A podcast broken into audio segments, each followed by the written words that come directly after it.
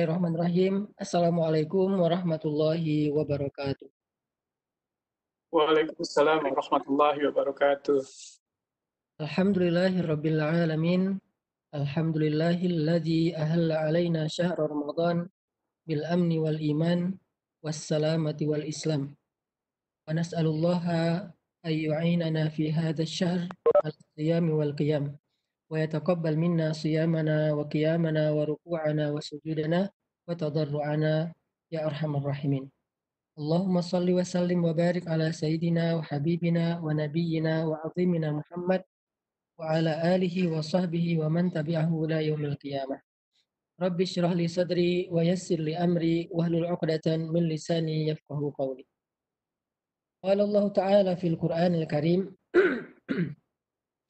أعوذ بالله من الشيطان الرجيم. بسم الله الرحمن الرحيم. إن الذين يخشون ربهم بالغيب لهم مغفرة وأجر كريم وأجر كبير. وأسروا قولكم أو اجهروا به إنه عليم بذات الصدور. وقال تعالى يا أيها الناس اعبدوا ربكم الذي خلقكم والذين من قبلكم لعلكم تتقون. وقال تعالى كتب عليكم الصيام kama kutiba 'alal ladzina min qablikum la'allakum tattaqun. Sadaqallahul azim. Yang saya hormati dan saya muliakan Bapak Profesor Sudarso Kadari Wiryono. Kemudian tadi Bapak Muhammad Firzan Nazar Nu'man. Kemudian eh, masih banyak lagi guru-guru besar yang hadir di sini, para cendikiawan, kemudian para dosen, para ulama, dan juga ikhwah filah, para kader-kader dakwah, dan semua teman-teman yang sedang menonton, memview, dan hadir dalam majelis online ini. Semoga Allah Subhanahu wa Ta'ala merahmati dan memberkahi hari kita semuanya. uh, saya diberikan judul oleh panitia uh, majelis online ini semua muslim adalah ODP di sisi Allah Subhanahu wa taala. Dan hari ini saya ingin membedah sebuah buku yang ditulis oleh Syekh Said Hawa dengan judul Tazkiyatun Nafs. Dan bukunya sekarang ada di tangan saya berbahasa Arab, jadi ini bukan endorse karena tidak diperjualbelikan di Indonesia. Tapi mungkin sudah ada terjemahannya yang saya tidak tahu. Nah, di dalam buku tersebut Syekh Said Hawa menempatkan bab al-muraqabah wal muhasabah menjadi satu paket. Bahwa merasa ODP di sisi Allah kemudian jadi berhitung teliti terhadap kegiatan kita, amal soleh kita, dosa-dosa kita, itu adalah satu paket dalam kajian tazkiyatun nafs. Tazkiyatun nafs ini adalah salah satu di antara uh, tujuan dari semua ibadah-ibadah yang dilakukan. Kalau dalam bahasa Al-Quran, kadang disebut dengan istilah wa yuzakkihim, kadang juga disebut dengan istilah muflihun, kadang juga disebut dengan istilah takwa. Yang semua itu memiliki makna yang mirip. Antara tazkiyah wa yuzakkihim, kemudian kalimat uh, falah, pada aflah, ulaika humul muflihun kemudian dengan kalimat takwa la'allakum tattaqun dan seterusnya dan seterusnya. Sehingga kalau kita menghubungkan antara bab muraqabah merasa ODP di sisi Allah Subhanahu wa taala dengan puasa, maka ini menjadi salah satu di antara ciri khas dari ibadah puasa itu justru belajar merasa ODP di sisi Allah Subhanahu wa taala. Kenapa? Karena salah satu di antara tujuan Allah mewajibkan ibadah puasa itu la'allakum tattaqun supaya semua orang beriman itu mengupgrade kapasitas dirinya dari menjadi seorang mukmin kepada menjadi seorang muttaqin. Apa itu orang yang muttaqin? Orang yang kalau disingkat arti takwa itu adalah sabna wa ta'na, menjalankan perintah Allah, meninggalkan larangan Allah. Itu singkatnya. Karena makna bahasa, istilah, fikih dan seterusnya banyak. Lalu dari sekian banyak literatur tentang definisi takwa ini, maka para ulama menyimpulkan takwa uh, menjalankan perintah Allah, meninggalkan larangan Allah dalam kalimat sederhana sami'na wa ata'na. Dan kalimat sami'na wa ata'na ini salah satu syarat untuk bisa menjalankan perintah Allah, meninggalkan larangan Allah dengan baik itu adalah ketika kita merasa dilihat oleh Allah. Ketika kita merasa dipandang oleh Allah. Ketika kita merasa diperhatikan oleh Allah. Ketika kita merasa dinilai oleh Allah Subhanahu wa taala. Dan latihan untuk bisa merasa dipandang oleh Allah itu salah satunya dengan ibadah. Karena dalam konteks ibadah kita merasa lebih dekat dengan Allah. Makanya ketika Nabi Shallallahu Alaihi Wasallam menjelaskan tentang makna eh, ihsan, maka Nabi mengatakan ihsan itu adalah anta abudallah.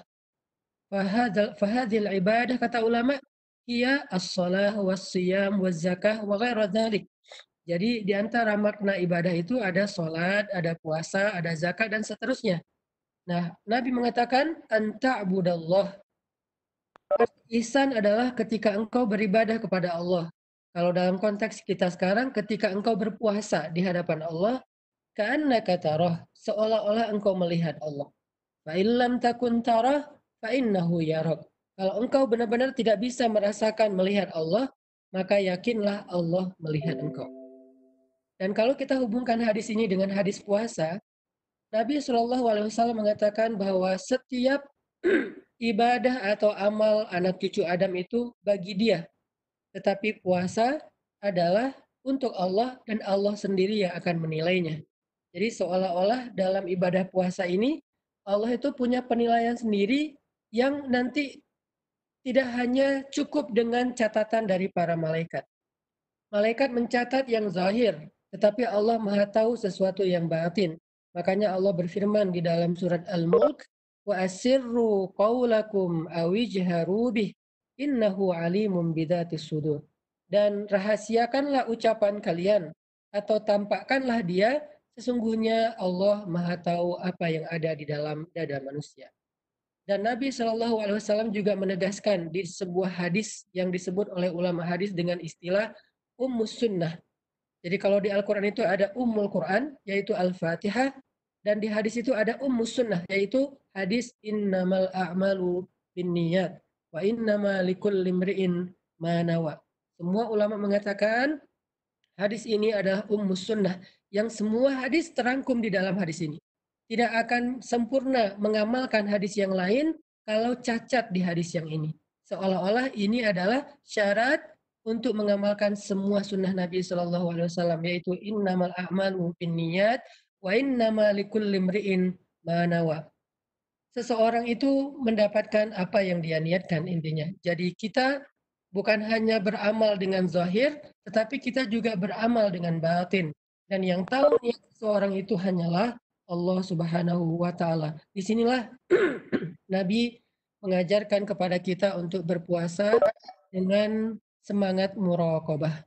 Berpuasa dengan semangat ODP, orang atau hamba yang berada dalam pantauan Allah Subhanahu wa taala. Sehingga Allah mengatakan wa ana ajzibih. Saya sendiri yang akan menilai puasa orang itu. Apakah puasanya puasa orang bertakwa atau puasanya hanyalah puasa orang yang sedang diet, yaitu menahan diri dari makan dan minum. Dan Allah sendiri yang akan wa ana ajzibih. Saya yang akan menilai dan saya akan memberikan balasan untuk dia. Makanya uh, ibadah puasa adalah ibadah untuk melatih muraqabah dan muhasabah diri kita di hadapan Allah Subhanahu wa taala. Itu poin pertama yang saya ingin sampaikan sebagai sharing uh, dari buku Tazkiyatun Nafs karangan atau tulisannya Said Hawa. poin yang kedua, ikhwas kalian, uh, Masalah muraqabah ini adalah salah satu di antara ciri ketakwaan kata para ulama. Tidak mungkin seseorang disebut bertakwa kalau dia merasa, tidak merasa dipantau dan dinilai oleh Allah Subhanahu wa taala. Sehingga dalam sebuah kisah disebutkan ketika seorang ulama memiliki sekian banyak murid, ada murid yang senior, ada murid yang junior. Satu hari murid-murid yang senior ini semacam curhat kepada guru mereka mengatakan, "Ya Syekh, kenapa Anda sangat mengistimewakan murid yang ini? Padahal dia murid yang baru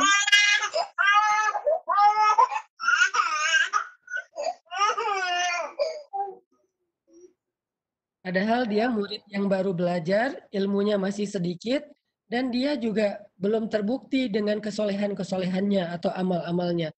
Kenapa engkau, wahai Syekh, sangat mengistimewakan murid ini yang masih muda, yang baru ini? Kemudian tersebut uh, memanggil murid-muridnya yang senior, beberapa orang yang sudah banyak diajarkan ilmu. Kemudian Syekh ini memberikan masing-masing muridnya seekor burung diberikan satu orang satu burung. Lalu kata Syekh ini, sembelihlah burung ini di tempat yang tidak ada satupun yang bisa melihat kalian. Akhirnya murid-murid senior pergi membawa burung untuk disembelih di tempat yang nggak ada yang lihat. Lalu Syekh ini juga memanggil murid yang paling junior tadi, diberikan seekor burung dengan pisaunya dan dikatakan dengan pesan yang sama, carilah satu tempat untuk menyembelih burung ini di mana engkau tidak dilihat oleh siapa pun. Akhirnya mereka pun mencar, setelah beberapa lama mereka datang kembali kepada guru mereka. Masing-masing dari murid senior itu datang kepada gurunya dengan membawa burung yang sudah disembelih. Wahai Syekh, ini burung yang saya sudah sembelih dengan nama Allah sesuai dengan pesan dari Syekh. Masing-masing membawa burungnya sudah pada disembelih, kecuali murid yang paling junior. Lalu Syekh ini bertanya di depan banyak orang, kenapa engkau belum menyembelih burung yang saya uh, amanahkan? Kata murid ini, ya Syekh, Anda memberikan saya seekor burung untuk disembelih. Tetapi Anda mengatakan, carilah tempat untuk menyembelih burung ini di mana tidak ada satupun yang bisa melihat engkau. Saya tidak bisa menemukan tempat itu ya Syekh. Karena ke mana pun saya pergi, Allah maha melihat dan memperhatikan apa yang saya lakukan. Kemudian Syekh ini tersenyum. Lalu murid-murid yang senior mengatakan, eh, Barakallah fiqh ya Syekhna, uh, kami sekarang mengerti kenapa engkau lebih mengistimewakan murid yang junior ini dibandingkan kami. Apa maksud dari kisah ini kata Syekh Said Hawa? Maksudnya inna akramakum indallahi atqakum. Orang yang paling mulia di antara kalian di mata Allah adalah yang paling bertakwa. Faman atqakum? Pertanyaan ulama. Siapa orang yang paling bertakwa di antara kalian? Adalah orang yang paling merasa selalu dipantau oleh Allah Subhanahu wa taala. Sehingga dia akan taat kepada Allah dalam sirrun wa alaniyah. Dalam keadaan tersembunyi maupun dalam keadaan terang-terangan. Itu makna dari takwa yang sebenarnya. Syaratnya muraqabah. Sehingga orang yang muraqabah selalu merasa dipantau oleh Allah. Baik dia dalam keramaian maupun dalam kesendirian. Dan itulah ibadah yang paling baik. Dan dalam konteks ini, itulah puasa yang paling baik. Ada orang yang berpuasa hanya dalam keramaian, tetapi dia berbuka ketika dia sendiri. Mungkin dia berpuasa secara makan dan minum, tetapi dia berbuka dalam kesendirian dengan berbuat dosa dalam khalwahnya, dengan berbuat dosa dengan berdua-duaannya, dengan berbuat dosa dengan gibahnya, dengan berbuat dosa dengan pandangannya, menonton, melihat, e, menyaksikan sesuatu yang dilarang oleh Allah. Maka dia adalah orang yang berpuasa secara zahir tetapi dia adalah orang yang iftar secara batin, maka itu bukanlah puasa orang yang bertakwa.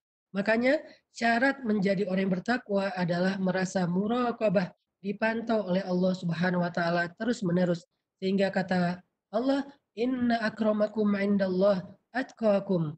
Orang yang paling mulia di antara kalian adalah orang yang paling bertakwa dan orang yang paling bertakwa adalah orang yang taat kepada Allah dalam kondisi sirrun wa alaniyah dalam kondisi diam-diam atau dalam kondisi tersembunyi maupun dalam kondisi terang-terangan.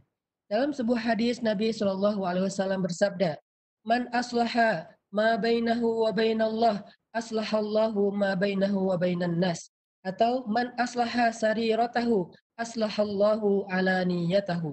Dua redaksi hadis yang bermakna sama. Siapa yang memperbaiki urusannya dengan Allah, Allah perbaiki urusan dia dengan manusia.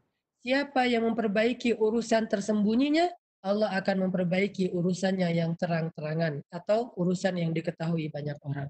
Ini adalah juga hadis hadis merasa dipantau oleh Allah Subhanahu wa taala. Ikhwas sekalian, hari ini kita menyaksikan banyak dari kita merasa ODP terhadap virus. Kita merasa tidak tenang. Ke mana pun kita pergi, kita merasa terancam. Kita merasa bahwa setiap saat kita bisa terkena uh, penularan wabah atau virus COVID-19 ini. Sehingga perasaan tidak tenang ini membuat kita jadi hati-hati. Kita akan hati-hati ketika berinteraksi dengan orang. Kita hati-hati keluar dari rumah. Kita hati-hati saat kita kembali ke rumah. Bahkan ketika kita pesan makanan secara online, saat kita mengambil uang kembalian recehnya, saat kita mengambil paket dalam bentuk kemasan itu sudah ditaruh di dalam plastik misalnya, kita sangat hati-hati dengan semua yang kita barang yang kita terima ada yang disemprot disinfektan, ada yang langsung cuci tangan pakai sabun, ada yang bahkan dijemur dulu, uang recehnya dijemur di matahari, yang katanya dengan suhu 50 derajat Celcius nanti virusnya akan mati dan seterusnya. Semua tindakan kehati-hatian itu karena dia merasa selalu dalam kondisi terancam. Dalam kondisi semua orang itu ODP bagi dia semua orang itu termasuk dirinya adalah orang yang layak dipantau supaya tidak tertular atau menularkan. Nah ini adalah buah dari muraqabah. Ekspresi dan sikap dari merasa dirinya sebagai ODP. Begitulah ketika kita merasa muraqabah oleh Allah Subhanahu wa taala, maka kita akan hati-hati dan berhitung dengan semua perilaku kita semua tingkah laku kita dan semua amal-amal kita. Dan itulah yang disebut dengan muhasabah. Kita hitung, kita teliti, kita uh, apa? Kita preventif, kita jaga, kita coba untuk uh, men, apa? membatasi diri supaya kita terhindar dari segala macam keburukan ataupun ancaman. Begitu juga orang yang merasa dimurakobahi oleh Allah dengan ancaman dosanya, dengan ancaman azabnya, Allah syadidul azab, Allah uh, syadidul iqab, sehingga dia akan menjadi orang yang sangat muhasabah, berhitung. Orang yang sangat hati-hati dengan semua yang dia lakukan. Dia akan hitung-hitung, ini kira-kira bisa membawa dosa enggak nih? Ini bisa menularkan virus virus kejelekan tidak nih? Ini bisa merusak akhirat saya enggak nih? Ini bisa membahayakan diri saya enggak nih? Sehingga dengan dia muhasabah karena muraqabah, maka dia termasuk orang yang muflihun, orang yang beruntung orang yang selamat, orang yang mendapatkan kebaikan di dunia dan di akhirat. Makanya ulama termasuk Syekh Said Hawa memasukkan bab muhasabah dalam bab muraqabah menjadi satu paket. Beliau mengatakan, la yakunul abdu minal muttaqin hatta yuhasaba nafsahu asyaddu min muhasabati syarikih. Tidaklah seseorang menjadi orang yang bertakwa sampai dia memuhasabahi dirinya, menghitung-hitung amalnya lebih daripada seseorang yang menghitung-hitung saudaranya atau lebih daripada seorang partner memperhatikan dan menghitung-hitung mengaudit kerjaan dari uh, partnernya dalam urusan bisnis. Kita sering teliti dalam urusan manajemen, kita teliti dalam urusan organisasi. Saya juga punya dua organisasi yang saya uh, ketuai Pemuda Hijrah dan Barisan Bangun Negeri dengan delapan para ustadz. Saya diamanahi menjadi amir dari Barisan Bangun Negeri dan kita melakukan evaluasi harian, mingguan, bulanan, tahunan supaya bisa melihat apa yang error dalam manajemen kita, dalam program kita untuk kita perbaiki ke depannya. Dan itu muhasabah. Kita teliti sekali, kita serius sekali untuk mengaudit, mengevaluasi kinerja tim kita. Maka kata ulama, Harusnya seorang mukmin lebih serius dari itu dalam memuhasabahi, mengevaluasi, mengaudit amalnya sendiri jika dia merasa dipantau oleh Allah.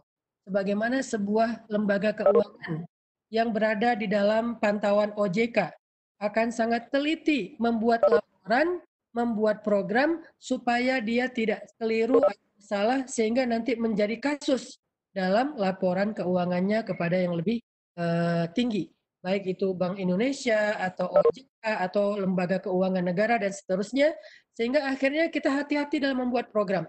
Kita teliti dalam semua uh, laporan keuangan. Bahkan kadang-kadang laporan keuangan itu kita nggak mau membulatkan laporan karena kita pengen semuanya detail. Uang receh pun dilaporkan 100 rupiah dilaporkan. Kenapa? Supaya pertanggungjawabannya itu insya Allah baik.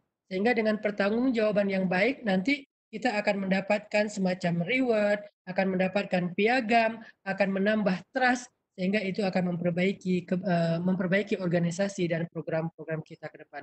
Kalau dalam berorganisasi, bermanajemen kita begitu teliti dan hati-hati, kata ulama harusnya dalam beramal solih kita lebih dari itu. Kenapa? Faman ya'mal mithqala dzarratin khairan yarah wa man ya'mal mithqala dzarratin syarran yarah.